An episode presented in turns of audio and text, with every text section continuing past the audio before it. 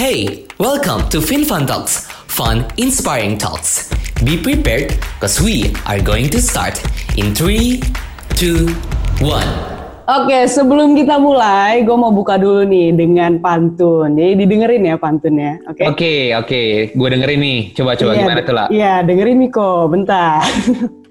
Sudah datang si tukang jamu. Cakep, Jamu manjur dicampur akar. cakep. Bangun tidur ingatnya kamu. Aduh, terus? Eh, ya jangan adu-adu lu, ah gimana sih? Hancurkan suasana lu jadinya. sorry, sorry, sorry, sorry. ulang dah. Ulang, ulang ah, ulang. Ulang, ulang, ulang, ulang. Bangun tidur ingatnya kamu. Cakep. Met sore semuanya gimana kabar? Baru saja. Diam semua. Gini, ini mat sore, mat pagi, mat malam juga buat teman-teman semua ya karena ini eh, tipenya podcast gitu jadi teman-teman bisa dengerin entah itu pagi hari, siang hari dan juga malam hari gitu. Oke. Selamat datang kembali teman-teman semuanya di podcast kita FinFun Talks, Fun Inspiring Talks. Nama gue Miko yang belum tahu bisa balik lagi ke episode pertama karena di sana gue ada perkenalan diri dan juga perkenalan mengenai apa sih itu FinFun Talks, apa sih itu FinFriends boleh yang belum tahu didengar dulu di episode pertama. Nah kali ini gue nggak bakalan sendiri seperti yang udah kalian dengerin tadi dibuka oleh teman gue. Ada siapa nih? Boleh perkenalan diri dulu. Halo, ya ampun. Coba gue ganti suara biar manis. Aduh biar kenapa tiba-tiba jadi ayu gitu ya? Iya, halo. Oke. Nama aku Patricia Fabiola. Gitu. Tapi orang-orang biasa manggil gue Lala, tapi bukan keluarga dari Teletubbies, hanya teman aja. Tapi kalian boleh panggil gue Lala. Halo. Dan gue Kalau temen Teletubbies yang ini ya, yang nyeruput-nyeruput cookies itu ya? Enggak, gue biasanya yang ngurusin rumputnya. Makanya rumputnya bagus kan? Oh iya bener bener bener. Gue tukang rumput ya, gue tukang rumputnya. Nah, dan pasti kalau kalian tahu kita semua pasti dari Universitas Prasetya Mulyani dan gue dari jurusan bisnis 2019 dan Miko dari mana? Gue dari ini lu nanya apa nih? Hmm. Jurusan gue apa? Yang jelas. Sekolahnya di mana? Beda beda sekolah ya kita ya? Oh eh, sama sama kita di Universitas sama. Prasetya Mulia juga. Gue dari Oh. jurusan International Business Law. Oke, jadi di pit, di podcast lagi di podcast kali ini kita bakal ngomongin suatu hal yang sangat menarik untuk diperbincangkan, yaitu adalah lu aja deh lah yang jelasin apa nih lah. Gue tadi mau drum roll gitu kan. Ini nggak bisa nih di sini kan. Nggak bisa. Temanya pasti seru banget. Temanya informatif, fun juga pastinya. Karena kita selalu membawakannya eh, selalu fun banget ya kalau sama kita ya.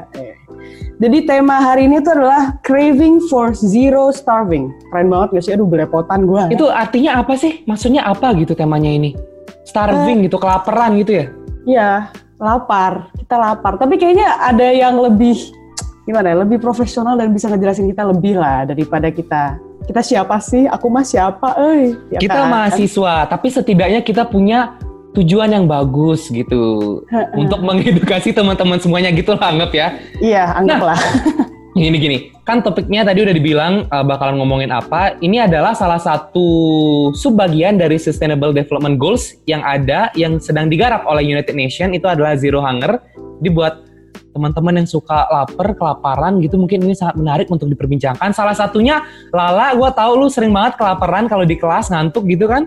gue pernah diem-diem makan juga di kelas ya. Jangan dikasih tauin ya dosennya siapa nggak gue sebut. Oke oke oke. Gue sebut, Oke. gue Nah, apa? langsung aja kita bakalan undang bintang tamu kita. Asik bahasanya bintang tamu keren banget nih. Iya kan bintang, kejora. bin- Ya, heeh.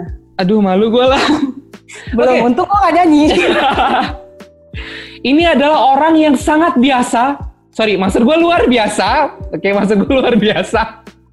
Tuh kan gue grogi soalnya ini orangnya keren banget lah. Lu nggak grogi Iya. apa untuk melit podcast hari ini? Lu gak tahu keringet gue udah banyak ya. Gue gak bohong juga, gue keringetan. Kamar gue gue hidupin AC dingin banget, tapi gue keringetan. Enggak, gue gak pakai AC sih. Gue tiup sendiri nih. Iya. Oke, lagi ya, nih siapa yang mau manggil? Lu atau gue? Oh. Eh, kita gak usah panggil kali tiba-tiba. Nggak kan gak bisa datang sendiri. Gimana? Gak bisa, gak bisa harus dipanggil. Gue panggil kali ya, gue panggil Hmm, kali. boleh, boleh, boleh. Oke, kita sambut semuanya. Semuanya bersiap ya, bersiap, bersiap. Siap. Kak Edezel. Oke, Kak Edezel. Halo. Halo Kak. Halo. Apa kabar? Lala Baik. dan juga Tinky Winky. Ya kan? Kenapa Tinky Winky? Udah berdua, udah berdua. Tinggal dua lagi kan? Hmm. Eh, Kak, boleh dong kenalin diri sendiri Kak, walaupun kita sebenarnya. Oh iya iya baik baik baik. Jahat Halo teman-teman eh, semua pendengar Fun Talks. Perkenalkan nama saya Dozel. Saya banyak yang bilang saya seorang youtuber, ada yang bilang saya selebgram, ada yang bilang saya tiktokers, tapi saya lebih senang dibilang influencers eh, karena saya merasa kalau influencers itu punya satu kriteria yang diwajibkan yaitu punya dampak. Karena itu eh, saya lebih senang dan pengen gue saya pengen jadi influencers gitu. Oke, keren banget. Tadi dibilang ingin memiliki dampak. Nah, itu adalah salah satu alasan kenapa kita undang Kak Edozel ke podcast kali ini, ya nggak lah? Betul sekali. Ini Kak Edozel tuh kayak 3 in 1 gitu ya. Banyak di dalam satu tubuh gitu ya. Keren banget emang Kak Hah? Edozel. Gimana gimana? Shock ya. Semuanya jadi garap Kak. Keren, keren, keren, keren. Oke Kak, nah ini kan topik yang seru banget nih yang dibahas. Nah ada satu hal yang emang menarik perhatian kita, eh, banget nih dari uh, Finfan Talk sendiri. Kakak itu ada bisnis ya katanya ya Kak? Iya ada, saya ada bisnis pasti rugi, Ya. namanya warteg gratis, sama bisnis buka lapangan pekerjaan namanya nyapi. Ya. Udah pernah cobain belum sama nyapi? Wah, kayak harus kita coba nih, harus nyoba. Waduh, saya saya langsung disconnect deh. Ya. Jangan Wih, langsung, dong. wah gimana, sakit hati lah. Gue udah excited banget hari ini kedatangan Kak Edozel. Tiba-tiba mau langsung disconnect. Gue juga ikutan kali ya. Lu aja sendiri. Gue sendiri jadinya. Gue siapa, mau kasih insight apa, coba.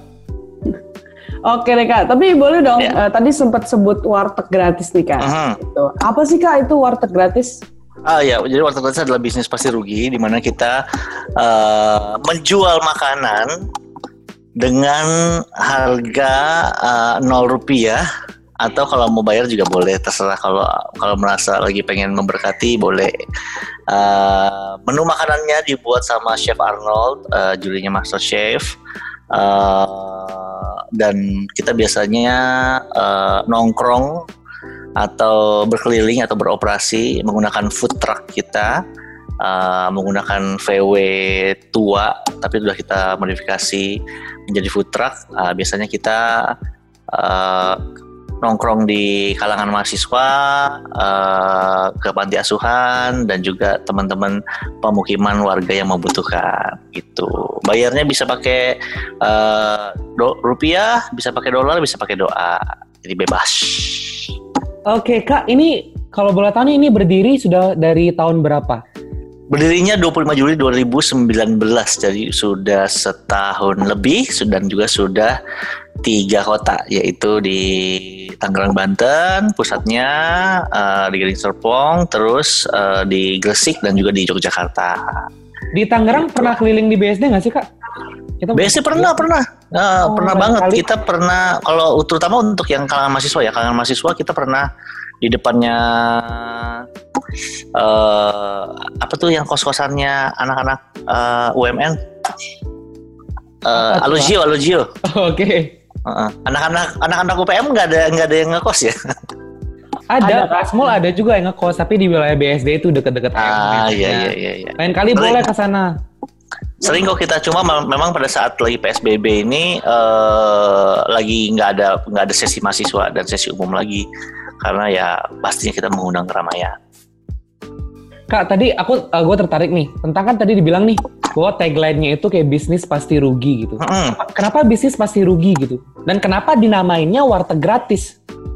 Ya, pertama namanya warteg gratis karena memang gratis itu warteg. Eh, kedua namanya kenapa namanya bisnis pasti pasti rugi tagline-nya karena eh, saya peng saya pengennya eh, warteg gratis jadi gerakan sosial yang sustain dan dan belajar dari kesalahan teman-teman lain yang punya gerakan sosial berbagi makanan juga Eh, mereka tidak sustainable karena ya memang berlandaskan sama mood. Jadi ayo kapan kita kumpul-kumpul teman-teman anak-anak gereja, ayo kumpul-kumpul, kumpulan uang yuk, ayo ada yang masak, ada yang ini. Kemudian tapi ya itu seasonal banget. Apakah lagi eh, apa namanya Christmas atau lagi Lebaran atau lagi Ramadan kayak gitu-gitu berdasarkan mood. Tapi saya pengennya eh, gimana caranya eh, sebuah gerakan sosial ini jadi sesuatu yang sustainable, di manage dengan profesional, eh, punya sosial media, punya tim operasional, punya semuanya lah gitu. Sehingga sampai sekarang puji Tuhan uh, sudah setahun lebih kita masih jalan terus dan operasional uh, terus hampir setiap hari. Ah, emang menginspirasi nih kak. Tapi jujur aku penasaran nih kak, pengen nanya, emang target customer sendiri dari warteg gratis itu siapa aja ya kak? Jadi target customer itu ada tiga. Pertama anak-anak panti asuhan, uh, kedua uh, apa namanya uh, masyarakat yang membutuhkan, uh, ketiga itu anak-anak mahasiswa, anak-anak mahasiswa kos-kosan gitu. Kenapa anak-anak kenapa anak-anak mahasiswa atau kos-kosan? Mungkin ada nah, latar belakangnya gitu yang latar belakang selain yang betul. tadi diceritain? Ada banget, ada banget. Uh, nomor satu karena uh, dulu saya waktu SMA uh, kan waktu itu saya tinggal di Jakarta sendirian, istilahnya bisa dibilang merantau lah. Itu dapat kiriman dari orang tua, dari nyokap karena nyokap kan uh, apa namanya, istilahnya single mom lah ya Uh, jadi dapat kiriman cuma dapat tiga ribu sebulan dan itu cuma cukup buat saya ongkos ke sekolah uh, dan juga makan siang gitu. Jadi kalau pagi itu saya nggak makan. Sampai sekarang pun sampai sekarang pun saya nggak bisa sarapan pagi. Perutnya udah nggak dirancang untuk itu.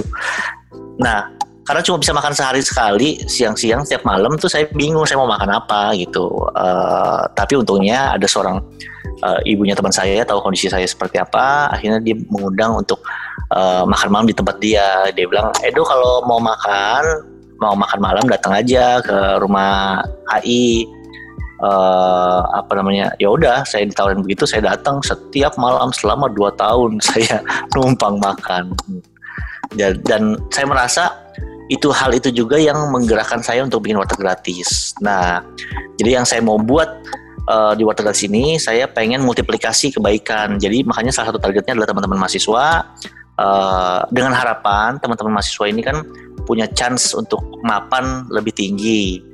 Jadi mudah-mudahan orang-orang yang pernah mencoba warteg gratis lima tahun lagi, 10 tahun lagi pada saat mereka sudah mapan secara ekonomi, mereka bisa melakukan hal yang sama, paid forward gitu. Jadi uh, jadi warteg gratis kedua, warteg gratis tiga atau warteg gratis versi mereka sendiri. Jadi kayak multi level marketing tapi untuk kebaikan gitu. Waduh lah, gue bener-bener tersentuh dengan apa yang dibilang sama Kak Dozel karena selaku dan itu relate banget selaku kayak mahasiswa yang merantau gitu kita jauh dari orang tua terkadang emang susah gitu untuk mengatur kayak keuangan kita sendiri gimana kita makan kita harus makan apa terkadang gue juga gue sendiri sering kadang-kadang dikirim sama orang tua gitu kayak makanan-makanan kering itu loh biar bisa bisa biar bisa lebih hemat jadinya di rantauan mungkin bagus nih ke depannya buat mahasiswa yang lain. Semoga pesan dari Kak Edozel yang dibilang tadi kita bisa realisas realisasikan gitu. Ya, amin. Oke deh kak, tapi kita juga mau nanya nih kak, ini mungkin nggak tahu deh rahasia atau enggak, Ih, kita nggak tahu sih. Tapi kita mau nanya nih kak, aliran dana buat pengelolaan warteg gratis itu gimana sih kak? Apakah emang ada collab sama orang lain atau dari investor ya. atau lain-lain? Kalau aliran dana uh, ini pure dari uh, kitabisa.com. Jadi kita kan uh, apa namanya? Saya awal-awal memang saya yang keluar sendiri, tapi saya ngerti kalau saya sendirian saya nggak bisa berjalan jauh karena itu saya ajak teman-teman followers, teman-teman subscribers untuk uh, berdonasi di kitabisa.com dan uh, itu dari itu yang pertama. Yang kedua itu subsidi silang di mana pada saat sesi mahasiswa, mahasiswa yang lagi kere, yang lagi bokeh ambil makanan gak usah bayar nggak apa-apa gitu. Tapi ada juga mahasiswa yang oh kebetulan ah saya lagi kebetulan lagi ada lebih nih mereka bayar. Salah satu contoh yang paling inspirasional adalah pernah waktu itu di sesi pertama kita uh, di depannya Curobais uh, usahanya anak-anak anak Prasmo juga. Uh, itu ada ada anak umur 20 tahunan datang mak pesan satu makanan gitu kemudian dia bayarnya pakai amplop isu tebel banget. Terus saya tanya ini apaan? Kenapa banyak banget duitnya? Dia bilang ini gaji pertama saya kak untuk untuk warteg gratis. Wah itu kita yang harusnya menginspirasi malah terinspirasi sama apa yang dia lakukan gitu. Jadi pertama aliran dananya dari kitabisa.com kedua dari sesi mahasiswa Uh, yang ketiga itu kita ada donatur tetap di mana kita sebutnya pemegang saham di mana mereka uh, berkomitmen untuk uh, memberikan 500 ribu per bulan kepada warteg gratis itu. Keren. tiga Mahasiswa boleh dong kak, kita ikutan juga dong boleh dong. Boleh, boleh banget. Uh, kalau mau jadi pemegang saham atau mau mau nyumbang di apa namanya uh, kitabisa.com, kita open banget di www.kitabisa.com slash warteg gratis. Asik, boleh tuh dicatat ya teman-teman, dicatat tuh hmm. itu ya. Oke deh. Nah, sekarang uh, aku mau nanya lagi. Kan tadi dibilang untuk beberapa cara untuk donasi gitu bisa Ya. dari kitabisa.com dan lain sebagainya.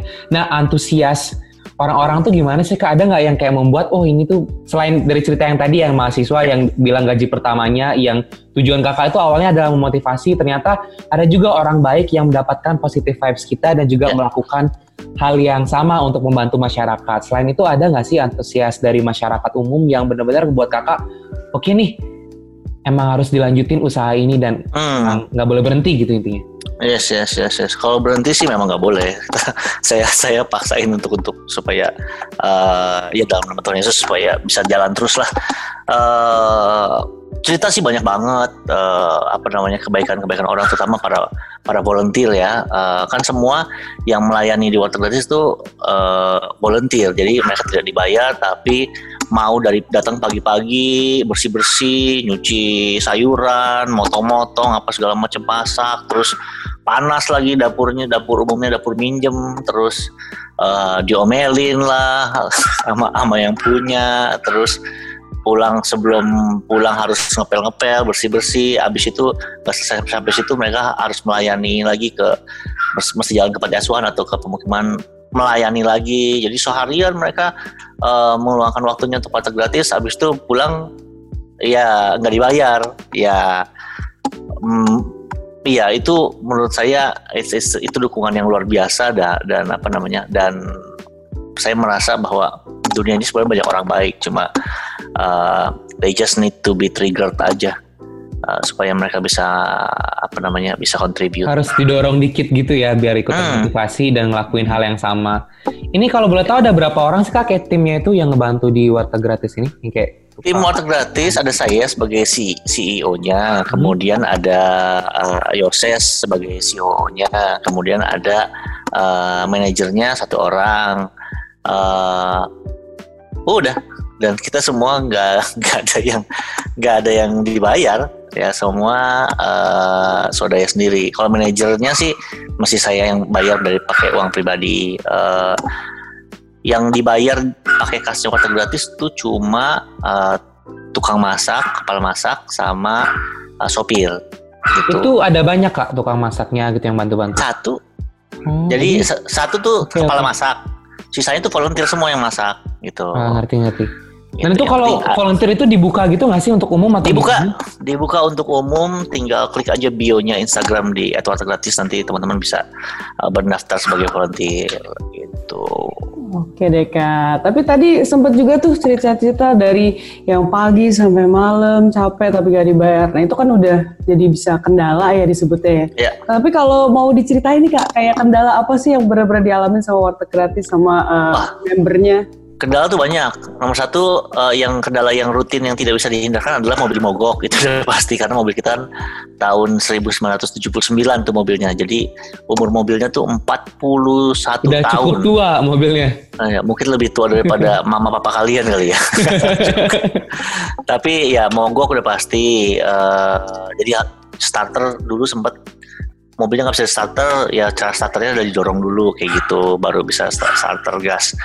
Terus hujan, karena kan kita bentuknya food truck gitu. Kalau hujan bubar tuh kita nggak ada nggak ada tutupannya orang mau ngantri di mana juga kayak gitu. Terus yang paling berat mungkin sebenarnya adalah eh, nyinyiran netizen sih yang paling berat buat buat kita karena eh, we are trying to do our best eh, tapi selalu dinilai dan dikomplain sama netizen gitu. Contohnya eh, awal-awal kita oh itu itu makanannya bukan makanan sehat itu mah fast food gitu padahal kita kita sebenarnya lagi mencoba sistem dengan eh, food truck food truck orang food, kita sewa seharian kita pengen tahu yang mana food truck mana yang cocok buat kita gitu jadi makanya kita sajikannya burger aja dulu gitu Jadi pas Karena- itu kayak masih coba dulu ya. masih coba-coba Hmm. gitu. Terus eh, ada yang pro- apa namanya protes itu kah harus harus eco friendly apa segala macam kayak gitu-gitu. Ya tapi ya akhirnya kita kita ada yang kita ikutin, ada yang yang ya udahlah kayak gitu. Eh, dan yang kasihan sih ya teman-teman yang udah capek seharian pasti kan sensi gitu dapat komentar begitu pasti eh, apa namanya nggak enak lah pasti gitu Tapi gimana sih kak kayak cara cope buat kayak hal-hal sensitif kayak gitu kan maksudnya kita juga bisa masuk ke dalam hati gitu gitu juga bisa sakit hati ya Iya, iya, gimana sih pasti. caranya biar biar kayak tetap positif gitu Iya, paling kita back to root aja sih apa namanya eh, balik kepada motivasi kita memang mau mau melayani gitu, Eh, mau kontribusi. Ya ini jadi salah satu apa ya eh, pengorbanannya kita juga gitu. Capek hati juga selain capek badan, capek hati itu juga pengorbanannya kita dan I feel dan kayaknya sih teman-teman ngerti juga eh, bahwa ini adalah bagian dari volunteering untuk disakiti hatinya jadi volunteer. jadi bukan cuma volunteer nyapain badan tapi menyakiti hati sendiri.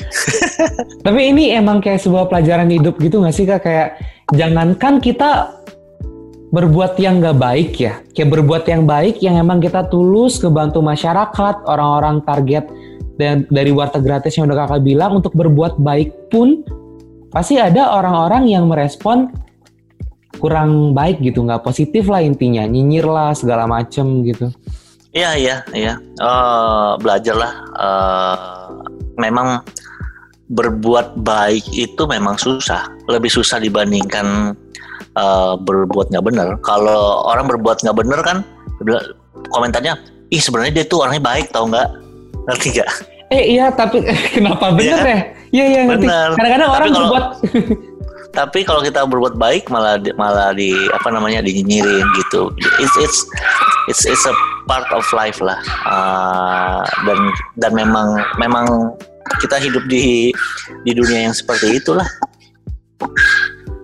Kalau dari circle kakak sendiri gimana? Dari teman-teman gitu, adakah yang tiba-tiba yang awalnya emang temen deket terus ternyata nggak setuju dengan dukungan ini? Tadi kan dari dari netizen aja kan. Kalau dari circle kakak, apakah semuanya oh ya udah gue bantu gue bantu gitu atau enggak ada yang emang buat apa sih lu ngelakuin hal kayak gini? Terus, Oh enggak, kalau dari circle saya sih semuanya eh, mendukung saya sih sepenuhnya. Dari istri, anak, eh, apa namanya keluarga semua mendukung sih untuk water gratis. Karena juga mereka juga tahu eh, motivasinya apa dan mereka ngerti lah saya bukan orang yang harus nyari nyari duit nyari untung apa segala macam. Karena ini kan memang memakan waktu kan tapi eh, apa namanya. Saya percaya kalau kita kita melakukan pekerjaannya Tuhan Tuhan yang berkati kita dari dari tempat lain kok. Itu meskipun saya jadinya nggak kerja ngurusin water gratis selama sebulan dua bulan awal tapi tapi apa namanya kembalinya ke kita luar biasa kok. Aneh-aneh gitu. Kayak contohnya eh, yang paling unik ya. Saya akhirnya jadi brand ambassadornya Tokopedia gara-gara water gratis. Eh, jadi eh, apa namanya waktu itu water gratis approach kita dia bilang "Eh, saya mau ngangkat ceritanya water gratis. Padahal posisi waktu itu water gratis tuh eh, baru cuma ide doang baru saya sampaikan. Belum ada mobilnya belum ada apa-apanya gitu. Tapi mungkin emang dilihat idenya tuh bagus kak. Dan itu bagus untuk sosial juga. Iya, tapi eh, masalahnya saya saya bilang sama si Tokopedia, saya bilang, Kak ini nggak bisa diangkat ceritanya Kak, orang belum ada ceritanya, orang saya belum mulai, ini kan baru konsep gitu. Sedangkan eh, brand ambassador yang lainnya kayak Rachel V-nya sama Arif ya mereka sudah mulai bisnisnya dan usahanya gitu di online maupun di offline. Oh saya saya saya belum ah, bel- baru konsep doang, saya baru baru melontarkan ide ini kepada kepada follower saya. Terus mereka bilang, oh nggak apa-apa kayak dok, kita tetap mau angkat karena memang uh, slogan kita tahun ini adalah mulai aja dulu gitu. Wah itu akhirnya jadi wah kok ini apa namanya kayak klik banget saya sampai merinding. Oh iya iya gitu akhirnya ya udah dari uang yang diberikan sama Tokopedia kita uh, belikan mobil food truck kita yang pertama gitu. Paling cuma nambah beberapa uang lah untuk apa namanya untuk menyempurnakan mobil food truck itu sampai bisa jalan. Ternyata ada berkat juga ya di balik semuanya tiba-tiba dapat berkat juga Mm-mm, sama mm-mm. Tokopedia. Keren banget sih Mm-mm. emang. Tapi dari pandangan kakak nih, gimana eh, biar kegiatan sosial dari Warteg Gratis ini tuh tetap eh, berjalan dengan lancar dan juga bisa spread di Indonesia gitu, lebih luas lagi. Eh, nomor satu sih kita butuh sosial media ya. Kita butuh butuh butuh cerita ini eh keluar ke mana-mana. Kita butuh cerita ini banyak dibagikan. Misalnya istilahnya kita butuh cerita ini viral lah Eh, kenapa karena kalau kalau cerita ini ceritanya water gratis ini viral kegiatan kita viral nomor satu lebih banyak orang yang terinspirasi untuk melakukan hal yang sama kedua pastinya uh, banyak orang yang mau bergabung sama kita sebagai donatur atau sebagai volunteer atau sebagai franchisee. Uh, jadinya mereka bisa buka di kotanya mereka. Jadinya pastinya gerakan kita lebih lebih banyak, lebih masif dan juga bisa bersama-sama uh, membesarkan si warteg gratis. Strategi strategi saya sih yaitu dari banyak-banyak bercerita karena karena itu uh, so, warteg gratis ini sangat aktif banget di sosial media, di TikTok dan juga di Instagram. Itu ternyata bukan cuma buat ngebantu orang tapi ternyata nginspirasi orang juga. Itu sih. Wah gila. Itu tuju tujuan utamanya adalah uh, menginspirasi dan memberkati. Malah menginspirasinya duluan uh, di, diutamakan. Karena karena kita saat ini kan kita se, sebulan tuh uh, paling bisa share kayak 3000 sampai 5000 porsi makanan kan tapi bayangkan kalau ada 3.000 orang yang terinspirasi melakukan hal yang sama, kita sebulan bisa bisa membantu jutaan por, jutaan porsi setiap bulannya. Jadi uh, menginspirasi uh, kita utamakan. Ingatlah tadi dibilang sama kayak Dozel, yang pertama mungkin harus dilakukan adalah memviralkan ini. Jadi jangan lupa kita viralin, kita kasih tahu teman-teman semuanya biar viral pokoknya. Follow TikTok warteg gratis. Oh, ada bentuk kali. Ada TikToknya. Ada dong, ada TikToknya dong. Sebut okay. ayo kak. Sebut sebut apa nanti kita follow semuanya nih. Oh, Edward gratis. Oke, okay. di follow tuh TikToknya ditonton semuanya biar viral. Uh -huh. Gue salah lagi nanya nama TikToknya apa? Ya bener kata kayak Doza, warteg gratis. Apalagi coba, masa warteg hari gitu kan beda. Nih gue, aku mau nanya nih kak, untuk yeah. depannya gitu dari yeah. warteg gratis ini ada project nggak sih yang akan dilakukan gitu? Misal kolaborasi dengan si ini atau apa gitu? Uh, tahun ini jujur kita kalau kolaborasi kita uh, lagi nahan karena masih PSBB kan. Masih masih apa namanya masih nahan diri lah. Sebenarnya tahun ini targetnya lima cabang lagi di luar Jawa tapi ya memang karena PSBB ya kita nggak bisa nggak bisa terlalu apa namanya nggak terlalu nggak bisa terlalu uh, maksain uh, mimpinya kita lah gitu. Tapi saya percaya ada banyak cara lain yang bisa kita lakukan lah untuk untuk uh, memberkati lah. Kak menarik nih tadi dibilang katanya mau rencana awalnya mau buka lima cabang lagi di luar Jawa. Mungkin hmm. boleh sneak peek gitu di mana nih kira-kira? Udah ada ide uh, rencananya? Di Manado, di Kalimantan, di Sumatera pengennya sih minimal satu, satu ini satu gitu. Tapi hmm. baik lagi kita kita kita butuh butuh survei, butuh apa yeah, namanya yeah, kenalan sama sama franchise di sana karena ya it's a, it's a big responsibility. Uh, banyak orang yang yang punya hati. Saya mau kak menjalani apa namanya warteg gratis. Saya pasti akan meluangkan waktu. Tapi ternyata uh, setelah kita selidiki wah ternyata kak, kamu sendiri masih fresh graduate gitu. Maksudnya hatinya ada tapi warteg gratis itu banyak pengeluaran-pengeluaran yang harus ditanggung pribadi. Karena uh, akan kesulitan kalau kalau menggunakan dana masyarakat. Karena banyak hal-hal yang nggak nggak nggak terduga dan nggak bisa dimasukkan ke itu. Contohnya ya paling gampang uh, volunteer nggak kebagian makanan gitu. Karena karena ternyata apa namanya uh, masyarakatnya banyak atau uh, akhirnya mereka harus mengorbankan porsinya mereka. Capean akhirnya kita sendiri yang kita sendiri sebagai sebagai pimpinannya warteg gratis cabang itu ya kita sendiri yang harus naktir volunteer volunteer gitu. Itu kan pengeluaran pengeluaran yang yang nggak bisa dimasukkan ini dimasukkan ke dana masyarakat gitu. Hmm, oke oke. Tadi juga dibilang kan masalah dana itu penting dan pasti salah satunya masalah komitmen juga penting ya karena kalau misalnya yeah. di awal nih kita menggebu-gebu gitu ngomongin oke okay, bakalan bantu tapi ternyata nggak ada komitmen susah juga nanti berhenti tengah jalan. Ini betul, mungkin betul. Lala bisa lebih digali nih pertanyaannya gitu kalau penasaran. Iya, Karena jujur uh, untuk jadi orang yang punya komitmen tinggi kan bukan sesuatu yang gampang ya dan prosesnya juga pasti nggak cepet. Dan ini juga bukan project yang kecil gitu ya, ini project yang besar dan punya rencana besar gitu. Gimana sih kak biar tetap bisa komitmen, bisa tetap semangat gitu ngejalaninnya?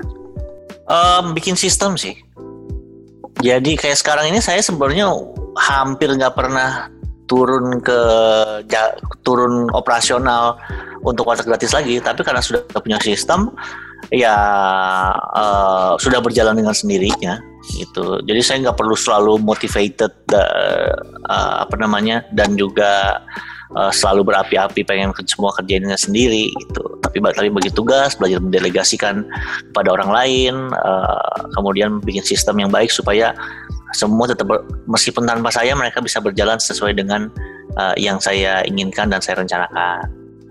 Oh iya bener banget tuh sistem tuh sistem bener penting banget sih. Kalau yang mau mulai bisnis juga sistem tuh sebenarnya penting banget. Yes, yes, yes. Betul betul.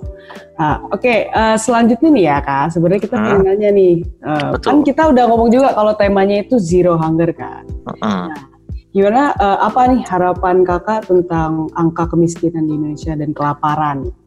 Oke, okay, uh, menurut data itu uh, teman-teman kita yang kurang beruntung itu sekitar ada 70 juta orang di Indonesia. Uh, mereka secara gizi belum terpenuhi dengan baik. Cuma saya, yang saya lebih prihatin itu bukan 70 bukan 70 juta orang yang yang uh, kekurangan gizi dan dan di bawah uh, di bawah berke, berkecukupan, tapi saya lebih concern di 200 juta orang lainnya yang tidak peduli. Maksudnya dari perbandingannya aja, if everybody care, nobody will, will go starving, nobody will go hunger. If everybody care, karena itu uh, saya mau push teman-teman semuanya untuk uh, start care, start caring lingkungannya dulu aja lah, lingkungan sekitar aja uh, bikin apa kayak uh, kegiatan. Dan pada saat kita berbuat kebaikan itu nagih loh. Uh, you'll you'll understand pada saat kita memberi sebenarnya kita lebih banyak menerima. Pada saat kita memberi itu kita menerima peace, joy, uh, mengisi apa ya, mengisi kekosongan dalam hidup kita yang selama ini nggak bisa didapetin dari tempat lain gitu. Dan kebanyakan juga volunteer-volunteer kita habis coba sekali dua kali uh, nagih pengen volunteer terus gitu. Kan you, you, kamu punya circle yang yang yang baik orang-orang yang yang seru-seru yang sevisi semisi. Jadi ya start caring for for others di sekitar kamu. Apa namanya ada tukang sampah lah atau apa. Uh, start giving aja karena saya percaya tidak ada satu orang pun yang jadi miskin pada saat dia memberi nggak ada belum ada belum pernah saya dengar cerita oh saya jadi miskin karena saya sering memberi tidak ada Oke benar banget sih kak. Tapi mulai dari kecil sih sebenarnya mulai dari kecil dan sebenarnya harus tulus banget sih nggak sih kak? Kalau kita memberi itu harus tulus dari hati. Karena kalau enggak sebenarnya kayak ya terpaksa ya buat apa ya kita juga ngasih tapi nggak tulus tuh sama aja nggak ngasih sebenarnya kan. Iya iya betul betul betul. Boleh nih Miko, uh, Miko kayak ber, pengen bertanya tentang apa nih Miko nih? Karena ini tuh benar-benar nggak usah gini, ini tuh benar-benar kayak heartwarming gitu kayak bengong dengerinnya kayak mikir kayak ya benar juga kayak dia diawali dari hal-hal yang kecil gitu kita sebagai anak muda gitulah yang bilangnya ya tadi gue lumayan bukan lumayan lagi tapi kayak bener-bener tersentuh ketika Kaido bilang sebagai mahasiswa itu kita memiliki kesempatan untuk sukses yang dalam konteks ini dibilang lebih tinggi gitu. Maksudnya ini bukan berarti merendahkan yang lainnya. Maksudnya gue nangkap maksudnya Kaido itu kayak kita mendapatkan kesempatan untuk belajar. Pakai itu dengan baik. Nah, jadi suatu saat nanti harapannya Kaido untuk kita nih mahasiswa-mahasiswa yang dikasih makan lah sama Kaido kasarnya dengan si warteg gratis ini. Ya. Saat kita kelak nanti sukses, kita bisa melakukan hal yang baik, hal yang sama gitu dan kalau bisa mungkin lebih dari yang Kaido Zia lakuin. Amin. Ada ini nggak kak? Mungkin nih sebelum kita akhirin yang terakhir banget ya. gitu. Pesan untuk anak muda khususnya selain pesan bisa ikut untuk volunteer, anak muda, ya. Uh, semuanya yang mendengarkan Fin Pantok ini uh, adalah pesan yang selalu saya uh, apa ya selalu saya utarakan dan, dan kasih tahu teman-teman semuanya bahwa dunia ini nggak perlu lebih banyak orang sukses dunia ini butuh lebih banyak orang baik. Keren banget. Jadi kayaknya harus start dari volunteer dulu nih kak. Bisa daftar di mana nih kalau boleh tahu? Di Instagramnya Warteg Gratis, at Warteg Gratis. Di situ nanti ada ada link tree-nya, tinggal klik aja saya mau jadi volunteer. Iya. Berarti di situ juga, maksudnya buat volunteer juga kita bisa belajar banyak. Buat yang denger Finfan Talks nih ya, itu juga pasti inspiring, bisa jadi pengalaman juga yang luar biasa. Jadi eh, ayo semuanya datang ke Warteg Gratis ya nanti kalau udah PSBB selesai nih harus nih kita harus Ya lah, tapi ini seru gak sih kalau kita bareng-bareng nih sama teman-teman dekat kita, sahabat-sahabat kita, teman sekelas, kita coba kosongin waktu terus kayak ya udah bantu-bantu. Iya, Ba- pengen Ya. sih. Heeh. Ayo dong Kak, nanti. kita bikin sesi, sesi khusus anak-anak Hmm. Finfan bantuin Warteg Gratis ya. Asik. Boleh, boleh, boleh. Ini ini beneran boleh sih. Gue juga pengen belajar banyak sih sebenarnya dari volunteering. Seru sih pasti. Ya, Siap, oke. siap. Uh, thank you banget Kak Edozel dan teman-teman semuanya yang udah dengerin Finfan Talks kali ini. Sekian yang ingin kita diskusikan, kita ngobrol-ngobrolin tentang Warteg Gratis. Yang mau lebih tahu mungkin bisa langsung ke akun Instagramnya Warteg Gratis kayak yang udah dibilang Kak Edo. Dan semoga apa yang diharapkan tentang angka kemiskinan, kelaparan yang ada di Indonesia dan juga tindakan-tindakan baik, program-program yang udah dilakukan sama Kak Edozel dan juga Warteg Gratis dengan teman-temannya bisa berjalan dengan baik dan ke depannya bisa menjadi suatu gebrakan yang dapat mendorong teman-teman dan juga anak muda, masyarakat umum untuk melakukan hal yang baik juga. Sekian yang ingin kita sampaikan. Kita ada gua, ada Lala juga. Kita mewakili panitia dari Finference 2020. Kita mohon maaf buat Kak Edo kalau misalnya ada yang salah. Dan juga buat teman-teman juga yang lainnya. Thank you banget Kak Edo udah mau meluangkan waktunya ngobrol-ngobrol bareng kita. Sama-sama, sama-sama Widi. Thank you Lala. Ya, Sampai thank you jumpa banget, lagi. Oke deh, untuk menutup semuanya, gue cuma mau menyampaikan sampai jumpa lagi di FinFun Talks selanjutnya. Fun Inspiring Talks.